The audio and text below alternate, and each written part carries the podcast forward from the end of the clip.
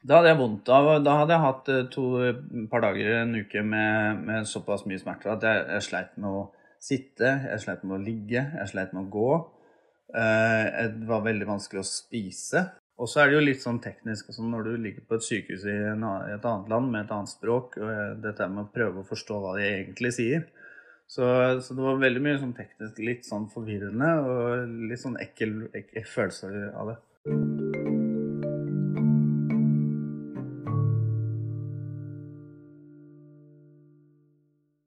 Velkommen til Også pasient, en podkast om usynlig sykdom laget av meg, Kine Albrigtsen.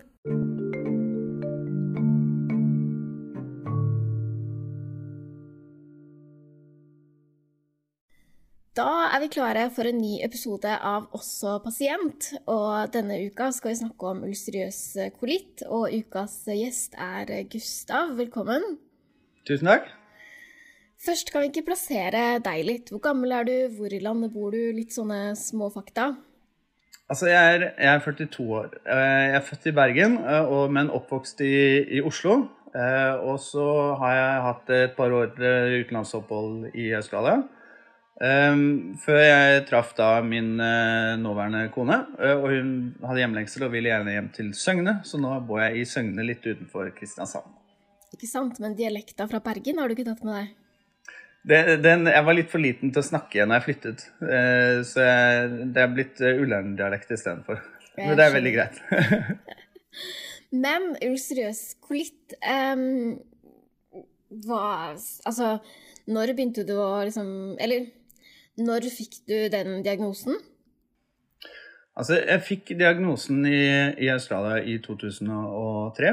Eh, og da hadde jeg eh, hatt uh, noen, eh, noen, tøffe uker med ganske mye magesmerter, som jeg egentlig ikke koblet direkte til dette med det første. Fordi symptomene var veldig like det å være støl. så jeg, jeg, gikk rundt og trodde at jeg var liksom støl i magen, eller at jeg hadde litt sånn form for krampe i, i magemuskulaturen. Um, og så ble det verre ganske raskt. altså I løpet av et par dager, en ukes tid, så gikk jeg fra å ha litt vondt til å ha veldig vondt. Og ringte da legen som sa at uh, skal vi sende en sykebil. Uh, det sa jeg takket jeg høflig nei til. Det skulle jeg fint klare å komme meg ned til sykehuset for en liten tur. Tenkte at det skulle være veldig greit. Og, og, i Australia så er, det, så er, det, noe som heter da triage nurse. Altså den som er liksom psykisk, den får først behandling på venterommet. Og det tok jo da ca. syv minutter fra jeg kom inn eh, til jeg lå på en sånn sykeseng. Um, så det var, jo, det var, jo, da det begynte, da, i 2003 i høsten. Ja, hva er egentlig ulcerøs kolitt? Ulcerøs kolitt er en, eh, en betennelse i tykktarmen. Eh, den kan minne på veldig mange måter om Crohns sykdom, eh, men denne begrenser seg kun til tykktarmen. Så, så min, den første diagnosen jeg fikk, det var Crohns. Og så etter et døgns tid og noen undersøkelser så fant vi ut at nei, det, det, er nok bare det. Og så er det jo litt sånn teknisk altså når du ligger på et sykehus i, et annet land med et annet språk, og eh, dette med å prøve å forstå hva de egentlig sier, så, så, det var veldig mye sånn teknisk litt sånn forvirrende og litt sånn ekkel, ekkel følelse av det. Ja, fordi eh, det er jo liksom en sånn betennelsestilstand, og du skal snakke om hele hva som skjedde etter det eh, litt senere. Men var det liksom da i eh, 2003 første gangen du merka noe, eller hadde du noen symptomer før det? Altså, eh, jeg hadde sånn i etterkant så ser jeg at jeg har hatt noen symptomer før det. Det er ikke noe som jeg har lagt noe voldsomt mye merke til, men jeg husker en episode der jeg har eh, vært på do, da, og, og, så har jeg sett at ok, jeg har blod i avføringen. Um, og under en samtale med en kompis av meg, så, så liksom forklarte jeg han litt den problemstillingen som jeg nå står oppi. Hva gjør jeg nå? Uh, og han, han, sa nå må du gå og sjekke deg, fordi han hadde vært oppe i en lignende situasjon med en annen situasjon beskrev egentlig ganske sånn voldsomt scenario for min del. Uh, og så gikk det liksom et par dager, og så tenkte jeg at uh, det går sikkert over. Og det gikk over. Og dette, da var jeg jo type 18. Eh, så, da var det ikke noe sånn voldsomt mye å tenke på det. Og så har jeg egentlig ikke merket noe voldsomt til det før, jeg, liksom, før, før den gangen, da, hvor det begynte å ta helt av. Så, men ja, jeg ser jo at, de, at det, det, var ikke da det oppsto. Det, det, var liksom tidligere. Det, om, men om, om, dette er noe jeg har gått med fra jeg var liten, eller om hvordan, hvordan det har kommet, eller eh, når det har starta, eller hva som har trigget det, det, det, aner jeg ikke. Det har ikke legene klart å gi meg noe godt svar på. Nei, men det var liksom ikke første gangen du tenkte at ok, her er det noe på ferde, holdt jeg på å si. Men da sjekka du det ikke da, da du var 18? Nei, for det, det, er jo litt sånn når du er 18, så er det å gå til legen for noe sånt noe, det er litt flaut og litt pinlig. Og, og jeg tenkte nok at uh, dette her håper jeg på en måte går litt over. Venter et par dager, ser hva som skjer. Og så gikk det jo over. Så da tenkte jeg ok, da er det sikkert bare noe som er forbigående. Mm. Um, så, men uh, jeg ser nå liksom i ettertid at det kanskje hadde vært lurt å ta seg en tur til legen. Ja. Så hvis det er noen der ute som opplever noen lignende symptomer, så sjekk det. Ja, det er vel, det er vel lurt eh, heller før enn en siden. fordi da du da ble dårlig i 2003, så, så, ble det jo ganske ille. fordi da sa du at det først var liksom krampeaktig, og så ble du dårlig og lagt inn på sykehuset. Og de prioriterte deg tydeligvis eh, helt først i køen da, og sa at det her må vi sjekke ut. på en måte. Hva, hva skjedde da, når du kom dit? For da må du jo ha hatt ganske vondt? Da hadde jeg vondt av Da hadde jeg hatt eh, to par dager, en uke med, med såpass mye smerter at jeg, jeg, sleit med å sitte, jeg sleit med å ligge, jeg sleit med å gå. Eh, det var veldig vanskelig å spise. Eh, og døgnrytmen min var jo helt forstyrra. Jeg bodde alene. og en Ganske stor leilighet, så det var, det var, det var liksom og som jeg akkurat hadde flyttet inn i, så det var liksom ikke noen møbler der. det var ikke noe sånn, det, Så det ble mye sånn ligge i sengen, eller sitte ved skrivebordet og, og, egentlig bare ha det vondt. da. Spise middag klokka tre på natta, for det var da jeg fant ut at da orket jeg å spise. Og sånn så, så det var veldig mye sånn forstyrrelser i, i hele mitt uh, system. Ja, hvor var du liksom i livet da? Da var du i starten av 20-åra? Dette var jo da i 20, 20, nei, 2003, så jeg var 24 eh, år gammel. Eller, ja. Jeg, mitt, jeg, hadde akkurat påbegynt mitt tredje år på universitetet i Perth i Australia. Eh, og var eh, jeg, hadde akkurat, jeg hadde kommet ned litt for seint til at skolestarten hadde, at, at jeg, liksom fått, hadde mistet de siste, første ukene av eh, skolestarten. Uh, vi holdt på med noen ting som, uh, som jeg aldri før har, har, jobbet med. Altså Her jobbet vi med, med, forretningsutvikling og litt sånne ting. Og dette er et studie som i utgangspunktet handler om kommunikasjon.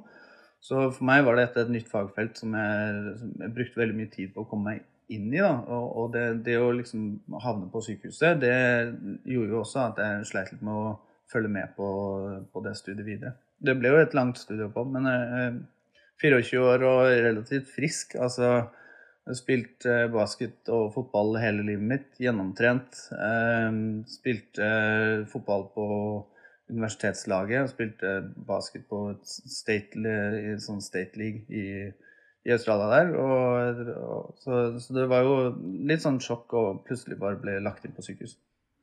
Hva skjedde da, liksom? Du kommer dit, og så skjønner de at det er noe gærent, for du har veldig vondt i magen, og så må de ta masse tester, antar jeg. Og så sier de at det er Crohn, så hva skjer da, liksom? Nei, altså det første, første døgnet lå jeg på denne intensiven eh, i, bak et sånt forheng, og, og det, blir, du blir jo på en måte du kommer inn fra venteværelset, og så blir du trillet inn i et uh, rom hvor uh, litt sånn som det IR som, som, du ser på akutten på TV. Uh, eh, veldig mange leger, veldig mye folk, veldig mye lyd. og det er bare sånne båser bortover med forheng som du blir trillet inn i. Og der tar de alle mulige tester av deg, før de på en måte da kommer et, et legeteam bort og snakker litt med deg prøver å finne ut av det. Og det er masse tester, blodprøver, eh, alt mulig rart. Og samtaler. Og så kommer de da og liksom Etter hvert så blir de jo lagt inn, da. For nå skjønner de at her er det, dette er en diagnose som ikke kommer til å gå over av seg selv. Her, vi, her krever det innleggelse, eh, og så må vi finne ut av hva er det som skal til. Så eh, om, det var, om, det var, eh, etter første dagen eller om det var samme dag, det husker jeg ikke helt. At de klarte å komme fram til riktig diagnose. Men den første diagnosen var Crohns. Og så, så, skjer jo det da at du blir lagt inn på et eh, rom med tre andre mennesker. Det i seg selv er jo en merkelig opplevelse, for det, det kunne jeg skrevet bok om. For det er mye, det er så mye inntrykk. Mye altså, personer som, som, prater i telefon, personer som er redde. Du merker jo folk som ligger og gråter fordi at de er, er engstelige. Men, eh, men, da er det liksom den runde runden da, som legene tar hver dag med, med legeteamet sitt. De kommer innom, stiller noen spørsmål, du får blodprøve hver morgen klokka seks om morgenen. Um, og du har liksom tre-fire slanger inni kroppen på et eller annet uh, vis som, som, tar en test. Og så, uh, og så gikk det da uh, to uker, tror jeg. Um, og da kom, de, da kom, legen inn, og så sier han at nå har vi forsøkt det vi klarer. Ehm, nå har du to valg. Du, har, eh, du kan enten gå og begynne på noen medisiner, og det er klart at en må ha for litt forbehold her om at det kan være at hodet mitt har forvrengt noen detaljer inn i denne historien, men det er liksom det jeg husker, da. Mm. Du har to valg. Du kan velge å begynne på et, eh, et medisin som du må gå på i, i fem år.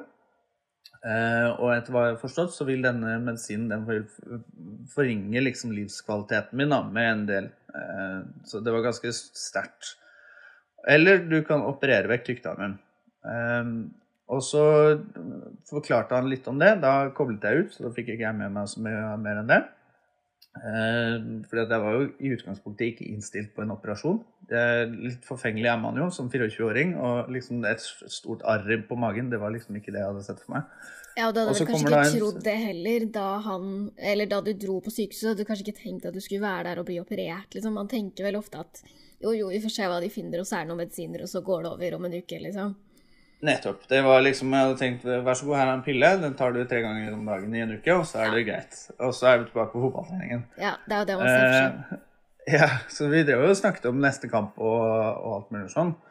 Um, men så, så, kommer da denne beskjeden, og, og, så etter det så kommer det en sykepleier inn, og han skal ha med seg en sånn stomipose. Og da skal han liksom forklare hva denne stomiposen er. Og, og, min oppfatning av det er at han forklarer at denne må du ha på deg resten av livet. Og så forklarer han sånn praktisk da, den klipper du hull i, og så putter du den over tarmen som ligger ut av magen. Og, og hodet mitt det klikka jo i alle bærekanter. Jeg tenkte at jeg har jo ikke lyst til å ha noen tarm hengende ut av magen. Åssen skal det gå? liksom? Um, og så har jeg min mor Hun er um, hun har en venninne, og denne venninnen er gift med en av Norges fremste gastroenterologer. Eh, så, så, han ringte og forklarte liksom dette, denne gangen i det og sa at de legger ut nå den tarmen fordi at den må hvile. Den er så betent at den må få lov til å roe seg. Men den er fullt mulig å koble den tilbake igjen. Det kan gjøres etter tre måneder. Eh, og da, var, da endret jo ting seg litt for min del. Fordi at da ble alternativet plutselig Da gikk det alternativene fra å være eh, pose på magen resten av livet eller et sterkt medisin i fem år Ok, her har vi noe som kommer til å ta tid uansett. Eh, til å være sterkt medisin i fem år, eller en pose på magen i tre måneder. Eller minimum tre måneder. Mm. Og da, ble jo, da forandret forholdene seg plutselig. For da var det liksom sånn Ok, la oss bare få gjort dette. La oss bli ferdig med det. Og så gå tilbake og leve livet som normalt. Så da valgte jeg jo det, det siste. Og så kom uh, operasjonen, uh, og det som skjedde da, var jo Hvor lenge etter var det, liksom? Operasjonen? Mm. Operasjonen ble jo da uh, scheduled en dag eller to etter. Så fort, ja. ja De tenkte at her haster liksom, det, den må, den må liksom vi, vi, var i en kritisk, Ja, vi var i en kritisk fase. Vi var, vi var, litt sånn at jeg spurte legen om jeg kunne få lov til å fly hjem til Norge og, og, og, og operere der. Og da sa han at eh, jeg tror ikke det går, fordi at du kan risikere å sprekke tykktarmene hvis du setter deg på flyet. Uh, og det er ikke en situasjon som du har lyst til å være i. Det høres ikke så, så behagelig ut, uh, på en måte. nei, nei, det, ikke, det er ikke ja, det mest behagelige jeg har vært borti. Det må jeg ærlig innrømme. Uh, så da valgte jeg jo det og tenkte at ok, da får vi gjøre det. Pappa ringte hjem til mamma og pappa. De, pappa satte seg på flyet sånn to timer etterpå. Og, eh, og så kom jo operasjonen da. Og da, etter det så eh, er det jo klart at når du har et 50 cm åpent sår på magen, så bruker du litt tid på å finne tilbake igjen til rytmen din. Så jeg mistet mye vekt. Jeg veide litt over 70 kg når jeg ble innlagt. Jeg veide litt under 60 kg når jeg ble utskrevet. Um, og, og det, det, også Jeg husker jeg våknet opp den første natta. Da var jo pappa der. Og da skulle de ha meg opp til å gå sånn i åttetida om morgenen. Og det var jo da under tolv timer etter at jeg hadde blitt operert. Eh, så det var jo ikke spesielt behagelig, kan du si. Men, eh, men, det var eh, Og jeg, jeg, tror ikke jeg overdriver hvis jeg sier at jeg brukte et kvarter 20 minutter på å komme på å sette meg opp i sengen. Mm.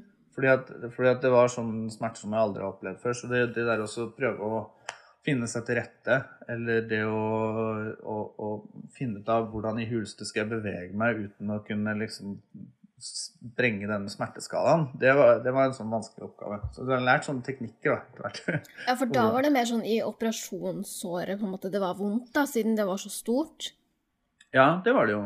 Og så mm. ble det jo, det, ble det jo litt sånn sjokk også å titte ned på magen og så finne For de hadde, de hadde jo sydd igjen med stifter. Så det var 50 sånne metallstifter nedover magen. Um, og, og, og, da denne stomiposen på høyre side etterpå.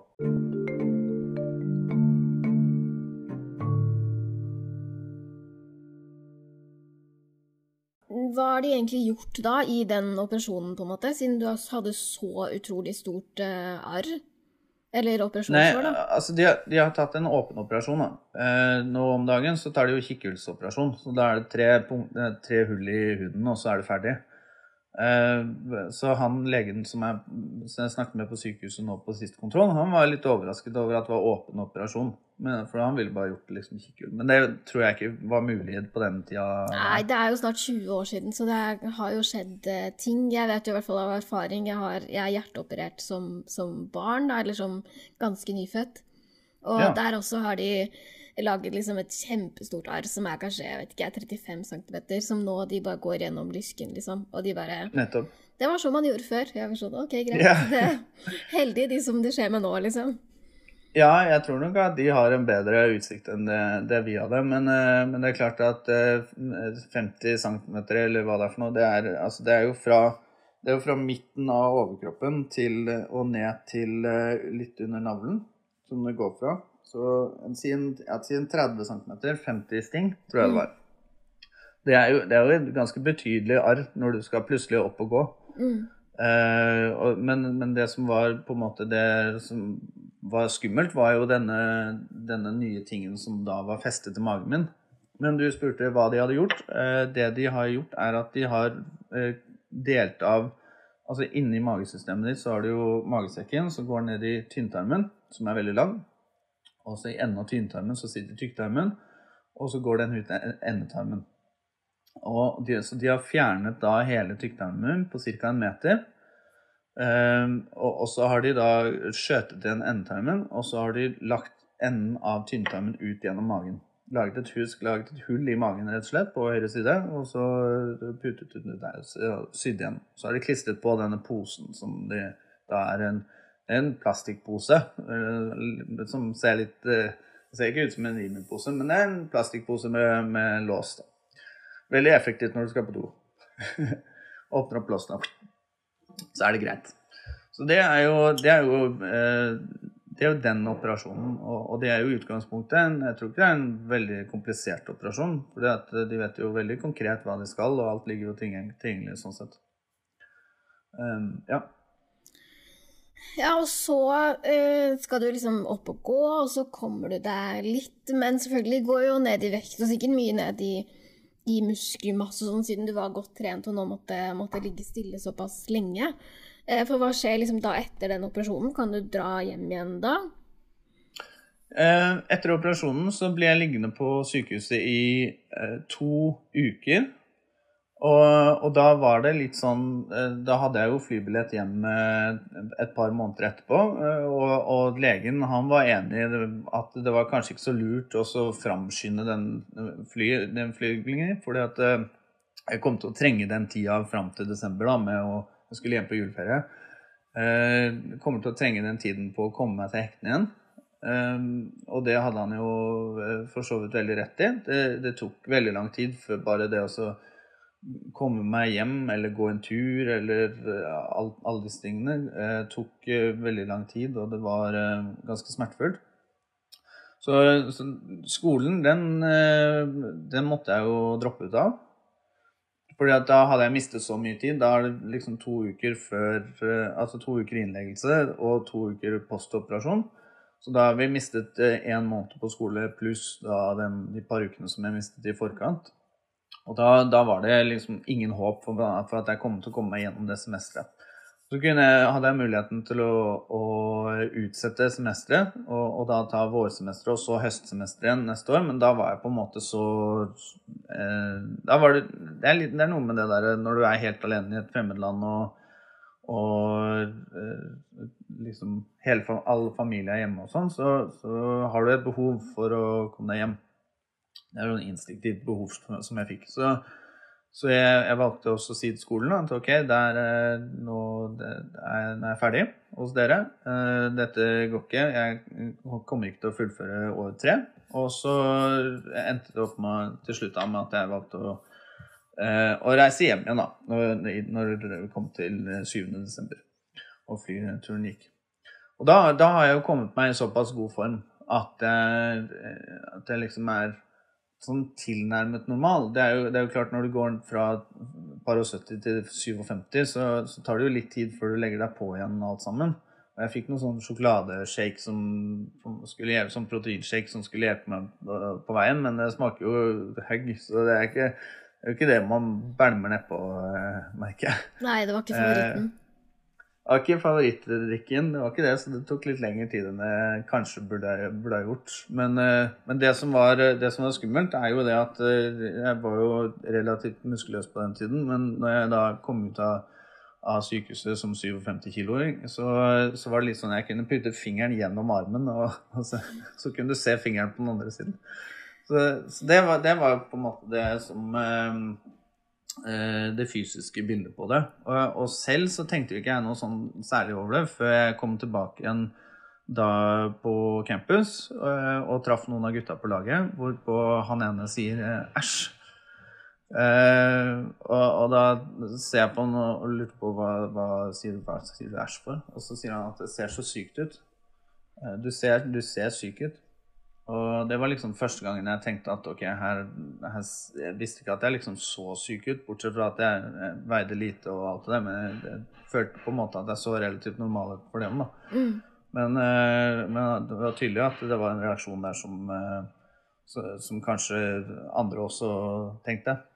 Hvordan var det, liksom? Da folk, eller, fordi da er jo livet ditt ganske annerledes, da, fra at du tenkte ok, jeg skal gå på skole eh, dette går fint, jeg bor i Australia, liksom, til at det er sånn OK, jeg har blitt eh, langvarig syk, ganske dårlig på et tidspunkt, jeg har operert, jeg har en pose på magen, jeg ser annerledes ut, jeg skal slutte på studiene og reise hjem igjen, på en måte. Hvordan, hvordan var altså, det? Det, det, det, går jo, det går jo fra og eh, man snakker jo om at livet blir snudd på hodet, men uh, altså, livet mitt fortsetter jo på et eller annet vis. Men men man går jo fra at den største bekymringen er liksom Skal jeg ha på T-skjorte i dag, eller skal jeg ikke ha på T-skjorte i dag? Det, det, er liksom den store bekymringen som man har i løpet av en dag. Da. Eh, til å tenke Altså, jeg har ikke tall på antall tanker som bare liksom datt inn i hodet.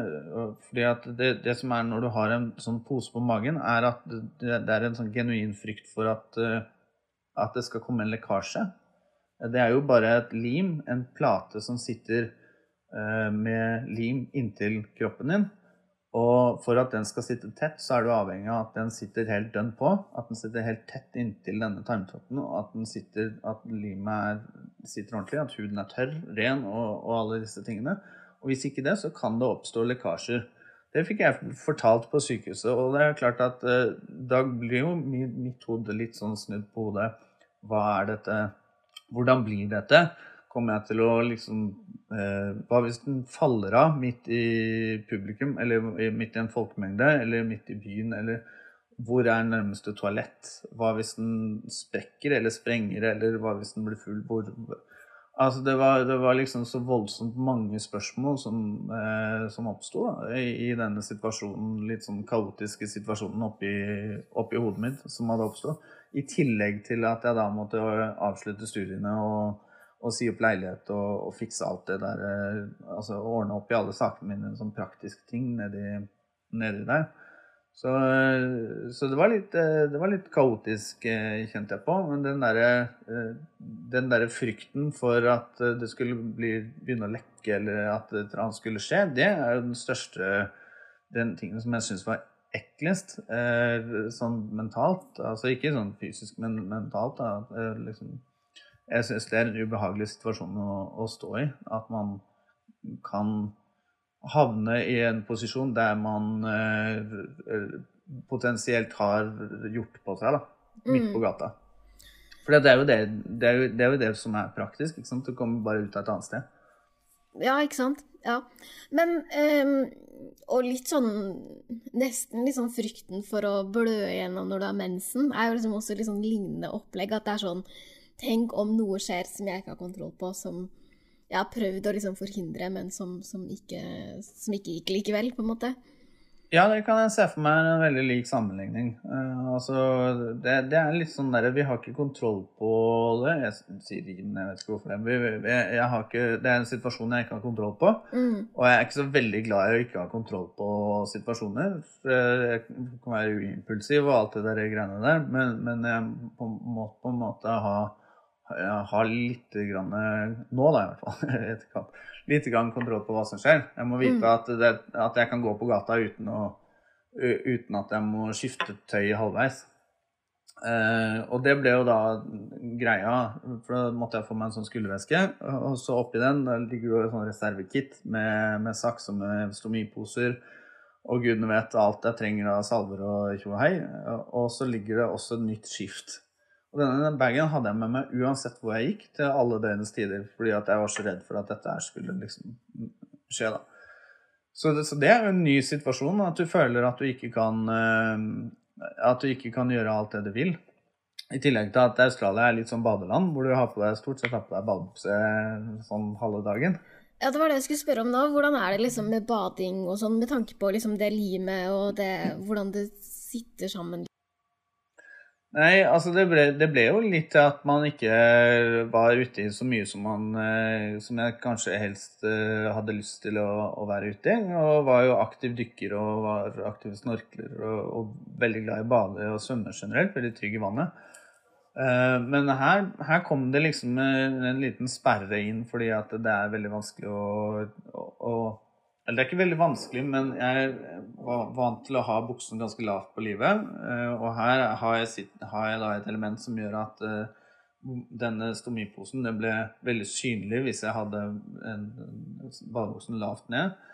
Eh, så det ble jo til at jeg trakk opp badebuksen veldig ofte. Ble veldig oppmerksom på hva folk rundt meg Hva de om de så på meg, hva tenker dere nå? Han, han lille guttungen der stirret veldig. Er det liksom arret han ser på, eller ser han posen? Eller hva, hva, tenker de på når de ser posen eventuelt? Eh, kommer det noen lyder? For det kommer jo lyder. Så, hva slags lyder da? Nei, det er jo liksom hvis det kommer, eh, hvis det kommer luft ut av eh, Altså i en vanlig mage så er det alltid luft, ikke sant? Og, og, og denne Her hadde du Normalt sett så har man jo en lukkemuskel som kan holde den inne. Her har jeg jo ikke det, så det, her er det jo på en måte fri flyt. Og, og, da blir det jo til at av og til så kommer det litt sånn kommer det en lyd som kan minne om en prompelyd. da. Uh, og, det er klart at det er ikke så særlig kult hvis du sitter midt i en folkemengde, eller sitter midt i et møte for den saks skyld, eller et eller annet sånt. Så, så, kommer det plutselig en sånn lyd. Så da Alle disse tingene blir man jo kjempeoppmerksom på. Og det preget jo det hodet mitt helt liksom helt, ja, kanskje et års tid, fram til jeg ble litt sånn vant til det og jeg tenkte bare at nå, nå, er, vi, nå er det en sånn situasjon her. Og, og, og, jeg har en god forklaring på det. Blitt litt mer trygg på det. Sånn, det tok, men det tok lang tid altså, før jeg ble komfortabel eller vant med situasjonen. Det gjorde det. Jeg følte du at du var liksom, liksom bekymra, eller Ja, egentlig bekymra. Jeg tenker jo at det er liksom det som du har holdt på med, på en måte. Bekymra deg litt for hvordan går det, eller hva tror folk, eller sånne ting. Men var ja, ja. du sånn, sånn før dette skjedde? Nei. Uh, før dette skjedde, så jeg tror jeg nesten ikke hadde en bekymring i verden. Altså det, det, det var litt sånn jeg, jeg, var en sånn person som kunne bestille jorda, altså, jorda rundt-billett uten å ha bestilt hotell på forhånd. Og tenke at det ordner seg. Um, og det, det, er liksom Og nå gikk jeg fra det da, til å, å bli liksom OK, må, jeg må ha kontroll på hvor nærmeste toalett er. Jeg må ha kontroll på at jeg har nok ting med meg. Hvor lenge skal jeg være vekke? Trenger jeg ett skift? Trenger jeg to skift? Trenger jeg ha med sånn sånn Det var liksom bekymringer i alle, alle bauger og kanter, uh, følte jeg. Så, så veldig, veldig annerledes situasjon. Det er jo litt interessant, egentlig, da, hvordan det på en måte endra seg. fordi det er jo ganske stor forskjell. Ja, det er, veldig, veldig, stor forskjell. Men det er klart at det, det ble en praktisk endring, i, eller fysisk endring i kroppen min, som, eh, som, som, da var veldig Den var jo ikke synlig for folk, men eh, allikevel, så hvis det hadde gått galt og jeg ikke hadde tatt med meg disse, alle disse uh, Altså tatt disse forholdsreglene, så, så, er det klart at da det kunne gått galt, da. Og i aller fleste situasjoner så gikk det jo veldig fint. Men det var jo tilfeller der det ikke gikk fint også. Jeg husker jo jeg var midt i handlegaten i, i Sydney hvor plutselig posen falt av. Ja. Eh, det er helst ikke en situasjon du har så veldig lyst til å være oppi. Hva gjør eh, man da, liksom? Nei, da, da, må du jo først og fremst bare prøve å finne, finne, ut av hva du, Først så er det liksom OK, greit, det er sjokk. Fordi at, ja, hva skjer nå, liksom? Ja.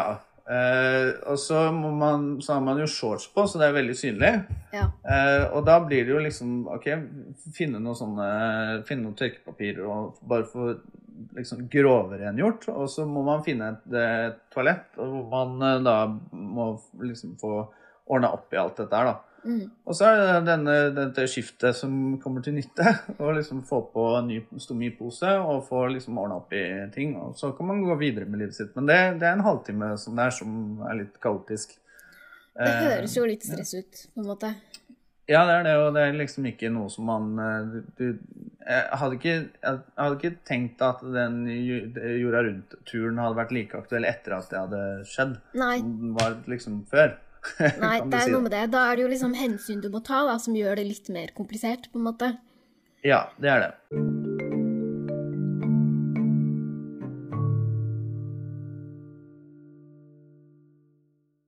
Men uh, han, uh, han eh, gastrolegen i Norge som, som, noen i familien din kjente, um, fortalte jo noe om at det her kunne ta tre måneder, og så kunne du operere den tilbake igjen. Det skjedde jo ikke, fordi da har det jo gått liksom lengre tid enn som så. Men Eh, du har jo faktisk fått operert Altså, du har jo ikke stomipose i dag.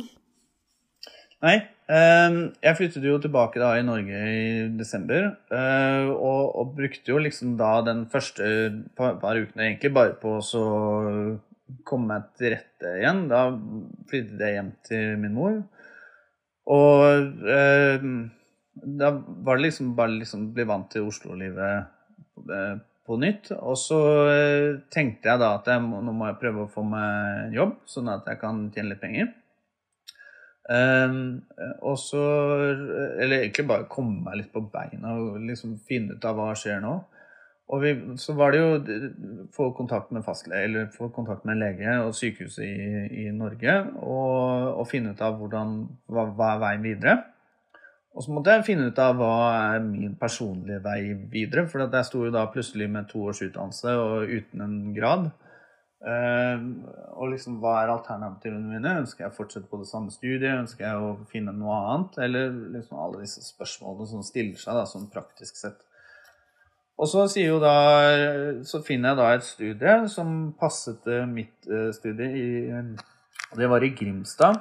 Eh, og, og, samtidig så kommer da denne, denne, samtalen med legen i Oslo, og han sier at vi har, vi har, muligheten til å operere i juli eller august tror jeg. Eh, og da var jeg jo litt sånn Ok, det er et skrekkelig dumt tidspunkt å operere på, for da går jeg jo glipp av den første perioden i, i, i studiet. Og, og, da havner jeg midt oppi den samme situasjonen som jeg var i i begynnelsen av mitt tredje år i Australia.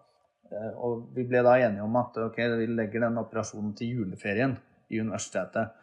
For da har vi et par uker på oss til å gjøre ferdig den operasjonen, og så er det tilbake. Og det vil ikke få den samme konsekvensen sånn fysisk sett når du eh, kommer inn eh, til denne operasjonen, som når du kommer inn til første. For da hadde alle forutsetningene var helt annerledes. Og, og eh, det vil jo ikke være i nærheten av samme opplegget. Du vil ikke gå ned liksom 25 kilo.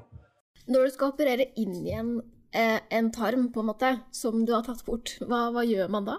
Nei, så, så det, det, legen sa, var at han, eh, han, syr, han knyter sammen eh, tarmen på et vis, og syr den sammen som en sånn J-loop, kalte han det. Og så eh, skjærer han ut det imellom og lager et reservoar, da. J-pouch, tror han det. Så, så, det er jo en fiffig måte å, å, gjøre det på. Og jeg var jo veldig spent på hvordan i alle dager dette her skal funke. Men det har funket oppsiktsvekkende bra. Det har det jo. Uh, I dag så lever jeg et helt vanlig, normalt uh, liv uten særlige bekymringer. Det er liksom ikke noe Men jeg går på, jeg går på kontroll til sykehuset eh, hvert år. Det gjør jeg. Og så går jeg på medisin fast. Og det prøvde jeg Eller for noen år siden så prøvde jeg liksom å spørre legen min om det var nødvendig. Uh, og da hadde allerede legen sagt at kanskje det er på tide at vi trapper ned denne kontrollen fra to, ett år til hvert annet år, f.eks. Og så spurte jeg om den medisinen, og da sa de at nei, det kunne ikke skjønne at det skulle være noe vits å gå på. Så da sluttet jeg på den. Uh, og så kom da til neste kontroll og fikk da vite at eh, her er det en massiv betennelse på gang. Hvorpå, ja, Så de da, medisinene var nødvendige, da, for å si sånn? Ja, de, de var jo tydeligvis det, da.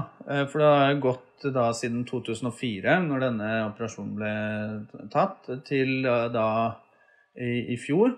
Eh, og tenkte at her er alt greit. Eh, alt funker som det skal. Og så er det en, en bakomliggende frykt for at noe skal eskalere. Ikke sant?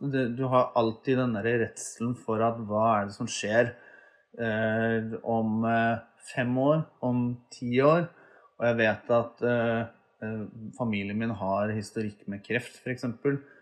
Selv om legene sier at det er i liten sammenheng mellom dette og kreft, så vet jeg at jeg har vært eksponert for noe. Da kan jeg fort bli eksponert for noe annet. Så, så jo, jeg, min tanke var at det hadde vært skikkelig dumt om denne betennelsen, eller om det hadde blusset opp et eller annet i kroppen min på det mellomåret mellom Hvis man da gikk fra fra kontroll hvert år til kontroll annethvert år. Mm. Så jeg jo, var jo veldig sta på det og sa at jeg vil gjerne ta denne kontrollen hvert år. For det, det, er en trygghet for min del. Og, og jeg, tror helse, jeg, tror at hodet mitt har godt av at vi sjekker det sånn en gang iblant. Og det fikk jeg jo, fikk jeg jo rett i. Eh, så, kom jeg da til sykehuset og fikk dette resultatet som var litt sånn nedslående. Og, og, han, han, og, da hadde jeg akkurat byttet lege også, så dette var på en måte han, hans første konsultasjon med, med, med denne situasjonen. Og han klarte liksom ikke å forstå at bildet var sånn som den forrige legen hadde forklart det. Fordi at, eh, fordi at her var det veldig mye mer betennelse enn det han hadde sett for seg. da. Mm. Og og han stiller jo veldig mange spørsmål. Hvor, altså, type, har du noen smerter? Eh, hvor ofte tømmer du tarmen? Eh, spiser du godt? Er, det, er, du i god fysisk form? Alle disse tingene. Og, og svaret på det er jo stort sett eh, ja og god og alt det greiene der. Eh, og så fant han ut at det, det, det svar, de svarene jeg ga, de, de samsvarte ikke med det resultatet han fant på den prøven. Og satte opp en ny test på et halvt år etterpå. Og da bruker jeg jo det halvåret på å gå og bekymre meg. Så det er jo mye det, det, er jo liksom det som er den store mentale eh, Det store mentale resultatet av dette. At man havner i en situasjon der man går fra å liksom ikke ha noen bekymringer i hele verden, til å egentlig underliggende ha en sånn iboende bekymring for framtida, da. Hva er det som skjer på et eller annet gitt tidspunkt? Eh, som, eh, som jeg syns var litt eh, ekkel. Og nå viste det seg at de tiltakene som vi de, grepene som vi foretok oss da, på denne konsentrasjonen, funket veldig fint. Han, men jeg hadde fortsatt veldig mye smerter. Altså, det er rart, men hvis noen spør deg kjenner du noe, har du mye vondt, og du svarer nei, så kan du banne på at du går ut fra den timen og tenker at du har egentlig litt vondt. Jeg kjenner litt på den der vondten, men det er egentlig vondt på liksom feil side av magen. Eller og nå spiste jeg det. Det var sånn Du blir veldig mye obs på ting som du ikke har blitt obs på, på, tidligere. Ja, I hvert fall hvis du er liksom bekymra for noe. da, At det er sånn ja, nå må vi sjekke gjennom litt kortere tid enn det du er vant til, fordi at dette kan bli dårligere. Så er jeg liksom sikker på at det er lett å kjenne ekstra mye etter ja, og jeg merket meg jo hvert år at eh, liksom, i tida før og etter denne konsentrasjonen, så, så, var det mye økt stress i kroppen min. Jeg merket at det var mye sånn spenning. Altså det, det, å få et resultat fra disse prøvene som sa at uh, alt er fint, det var, det var fint, det. Men, det. men, det. krevde veldig mye i forkant for at uh, å, å, å, på en måte forberede seg til hva er det som potensielt kan skje etter den timen. Ja, og den usikkerheten med å ikke vite om det er liksom dårligere plutselig, da. Ja. Men, um, men nå har det jo gått liksom veldig mange år siden du opererte inn igjen uh, tarmen, og det liksom fungerer uh, som det skal, holdt jeg på å si. Går du på do som normalt, og alt det der funker som vanlig, eller? Ja, det gjør jeg. Og jeg husker jo at eh, når jeg opererte inn den tarmen igjen, så var veldig, da var jeg veldig redd. Jeg var nesten mer redd enn jeg var før jeg tok den første operasjonen. fordi at uh, da var du på en måte vant til noe som fungerte sånn tålelig. Og så skulle du gjøre et grep som, som kunne gå galt. Det var et rutinegrep, men man vet jo aldri. ikke sant? Og du vet jo aldri hvordan ting fungerer. Funker det ett år, to år, fem år? Og så har det fungert veldig, veldig veldig greit. Jeg går på do helt eh, normalt to til fire ganger om dagen. Men jeg merker jo at eh, det er mye mer sånn rumling i, i, magen. Jeg husker jeg har sittet i masse møter og sånn hvor vi sitter kanskje 10-15 mennesker, og jeg sitter på enden av bordet, og, og, noen, og magen begynner å rumle. Og, og så og det er jo egentlig bare det, altså det, det, er jo bare det at jeg ikke har en tykktarm til å kontrollere lufta inni. Altså, ja, og da er det litt sånn derre Du eh, Skal vi gå og ta lunsj? Folk tror at jeg er sulten, men så er det egentlig bare det. Så, men det, altså, det funker veldig, veldig fint sånn fysisk sett. Det, det gjør det. Ja, og det er jo liksom litt interessant egentlig da, at noe så fysisk egentlig har fått liksom flest psykiske konsekvenser, som på sikt, da, selvfølgelig, for det var jo mye, mye fysiske greier også en stund der. Ja, jeg, jeg tror at uh, sånn generelt når man uh, har en eller annen sykdom som ikke er så veldig synlig for, for, folk flest, eller om den er synlig for folk flest, så, så, det, så følger det med veldig mye psykisk inni dette. Uh, og, for min del så ble det jo da alle disse bekymringene som, uh, som, som fulgte med, og, og disse uh, Altså, jeg har ikke tall på antall samtaler jeg har hatt med folk hvor jeg har liksom uttrykt en eller annen form for bekymring for om det Siste samtalen med legene var jo at, var jo at jeg skulle måtte ta den operasjonen en gang til, og at den ble permanent. Uh, og da var han liksom det, altså, det var jo ikke snakk om det, sa han. Det var jo liksom bare snakk om at vi skulle gi deg noen sterkere piller eller noe. Mm, ja. han var, var, ikke, var, ikke, der. Men, uh, men, men, alt blir et sykdomstegn. Altså Hvis man blir slapp, så er det liksom OK, har jeg for lite jern? Det blir uh, man må, man må på en måte tenke gjennom alle situasjonene. Er dette relatert til dette her på et eller annet vis? Og så leser man seg opp, og så, og så, googler man, og det er det dummeste man kan gjøre. Og så finner man ut at den der smerten man har i høyre baktann, den er relatert til denne, denne sykdommen på et eller annet merkelig vis. Så, så det, det, er litt sånn eh, det er, en, det er en merkelig situasjon å, å, være i. Og jeg merker jo at jeg klarer ikke å trene helt sånn som jeg pleide å gjøre. Jeg, jeg sliter med å ta situps, f.eks. Fordi at da kommer den magekrampefølelsen tilbake igjen. Altså, de har jo tross alt eh, tatt en kniv og slicet opp eh, 30 cm av huden min to ganger. Um, og, og, eh, så det, det, er klart at det er noen fysiske sperringer der også, som det ikke var, eh, som det ikke var tidligere. Litt funny, da. Når de skulle legge inn denne tarmen, så, så eh, kom jeg jo hjem igjen og, og hadde liksom en par dager i senga hvor jeg skulle hvile. Og etter hvert så begynner jo dette hullet, som da er et hull fra der hvor denne tarmen har stukket opp, den begynner jo, den begynner å bli større og større. og større. og så ja, Der hvor stomiposen har, eh, har, vært, på en måte? Ja, kom verk. Og til slutt så var den liksom veldig close til at jeg kunne se inn i magen. og da sa mamma at nå, nå tror jeg vi tar en tur og så sjekker om det skal være sånn. Så, så, gjorde vi det, da. Han var liksom Nei, det skal ikke helt være sånn. Vi får ta det på reklamasjon, sa han. Og så sydde ja. Prøv igjen, liksom. Bedre lykke til ja. neste gang. Ja, så, men det var, eh, det var, det var litt sånn Det ble en funny story nå, men, eh, men, akkurat der så var det liksom OK, jeg kan, jeg kan nesten se inni magen. Hva skjer nå, liksom?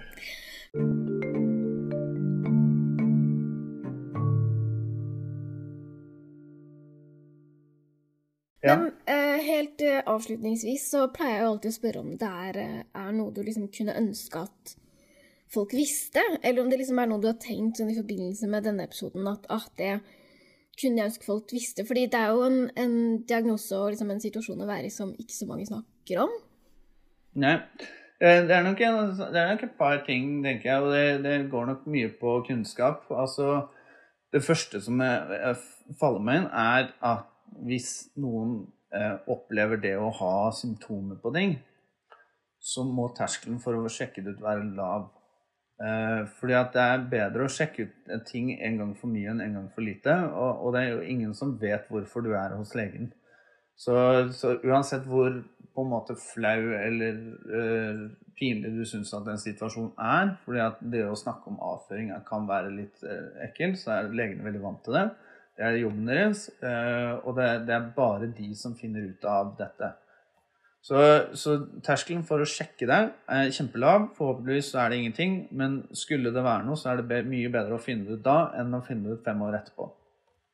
Så, så, det er jo det ene. Og det andre er jo at hvis det er noen som Hvis man havner i en sånn situasjon der man ser en person som har en pose på magen, eller hører en lyd eller et eller annet, så er det lov å stille spørsmål. Det er lov å liksom være undrende og spørre hvordan går det, hva er dette sånn. Det er som, er ingen som dør av eh, å, å, svare på noen sånne spørsmål. Og i, i, mange sånne tilfeller så har man jo også litt huet opp i egen rumpe. På, altså, du er veldig selvfokusert da, på hva som, eh, hva som, skjer i livet ditt. Så mange nok, har nok også et behov for å prate om en, sånn hendelse. da. Eh, ikke alle har tilgang på psykolog, og ikke alle har tilgang på et nettverk som på en måte hjelper deg med å bearbeide det. Men, men så det også, det også, Hvis noen havner opp i en sånn situasjon, at de, de snakker med en person med en stomipose, eller at de selv har stomipose, så er det liksom det å være åpen om det kan i mange tilfeller hjelpe med å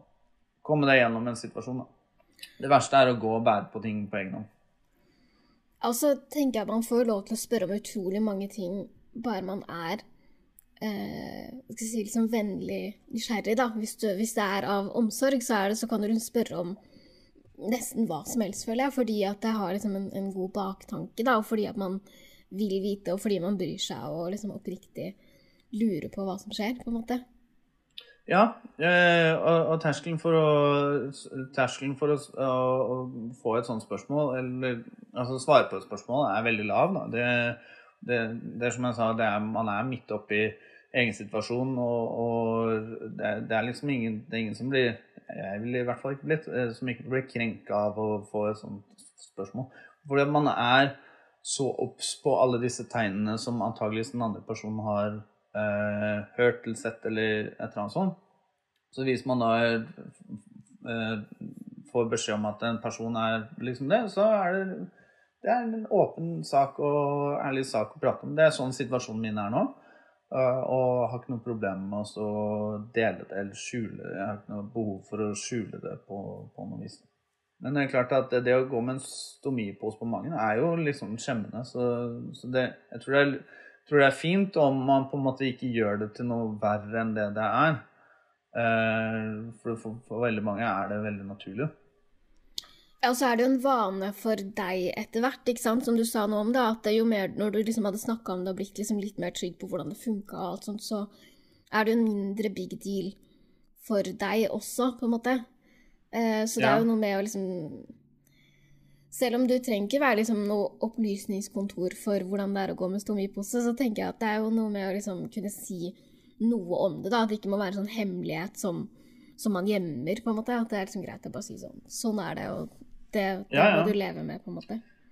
Ja, men er det Men det er, det er jo ikke sikkert at alle syns det er like komfortabelt som er, Det er ikke sikkert at alle er like komfortable til å liksom ha en samtale om det. Og det, er, og det er jo Jeg var jo veldig spent, at jeg traff jo hun som er kona mi nå mens jeg hadde denne på. Og det er klart at sånn, sånn intimitet og sånn blir jo et veldig ømtålig emne.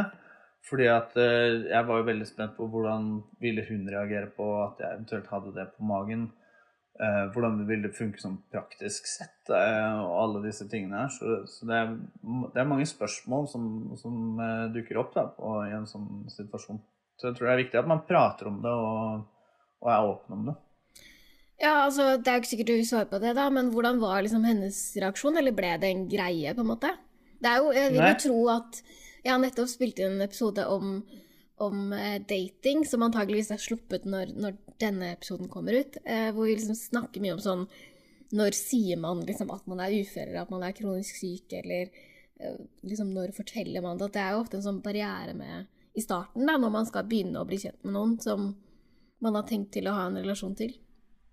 Ja, altså jeg, husker at hun ikke hadde noe problem med, det. Det var liksom aldri noe tema. Og jeg, husker ikke helt hvordan eller når jeg fortalte det, men jeg tror det kom opp ganske tidlig i relasjonen vår. Eh, hun er jo utdannet sykepleier, så hun har på en måte visste jo litt hva det gikk i og, og sånt noe. Så var, men eh, altså, kona er fabelaktig, så det, er, eh, det var liksom ikke noe Det var ikke noe issues der, kan du si. Men jeg, jeg, jeg, har, jeg har vært kjent med andre folk før som, hvor det kunne ha vært et problem, da, kan du si. Ja, det er vel eh, som, som vi også snakka en del om i den datingepisoden, at det er jo litt sånn ok, men de som ikke har null forståelse, eller de som har null forståelse, er jo kanskje ikke de, de man skal eh, alliere seg mest med heller, på en måte, da. At det er jo litt sånn naturlig seleksjon, på en måte. Nei, altså det, det er jo litt sånn var, Da var jeg jo i 25-årene, og, og livet fram til da har egentlig vært veldig basert på utseendet. Eh, og så eh, er litt mye personlighet også, men kanskje ikke i så stor grad som det kanskje ville vært nå. Eh, altså nå har vi vært gift i 17, i 12 år og vært sammen i 17. eh, og det er klart at eh, nå, er det jo mye annet som er mye mer viktig enn hun utseendet. Selv om jeg, jeg syns jo at hun er fabelaktig flott. og Liksom, men det, det er jo dette med personlighet som er det aller, aller viktigste i en, og i en hvilken som helst eh, relasjon, sånn sett. Så, eh, så man tenker jo litt på det også, at at man får litt andre andre Eller kanskje utvikler de verdiene som man litt Altså noen andre verdier enn de man har når man er ung, da. eh, I en litt tidligere fase. Jeg syns det er kjempefint. Jeg tenker at vi bare lar det være siste ord. Jeg syns det har vært veldig fint å få høre litt om ja, hvordan det på en måte har endra situasjonen, og hvordan det har påvirka deg på så mange andre måter også, da. Så tusen takk for at du hadde lyst til å komme som gjest. Bare hyggelig. Det var hyggelig å bli spurt. Så da er det bare én ting igjen å si, og det er ha det bra. Ha det bra.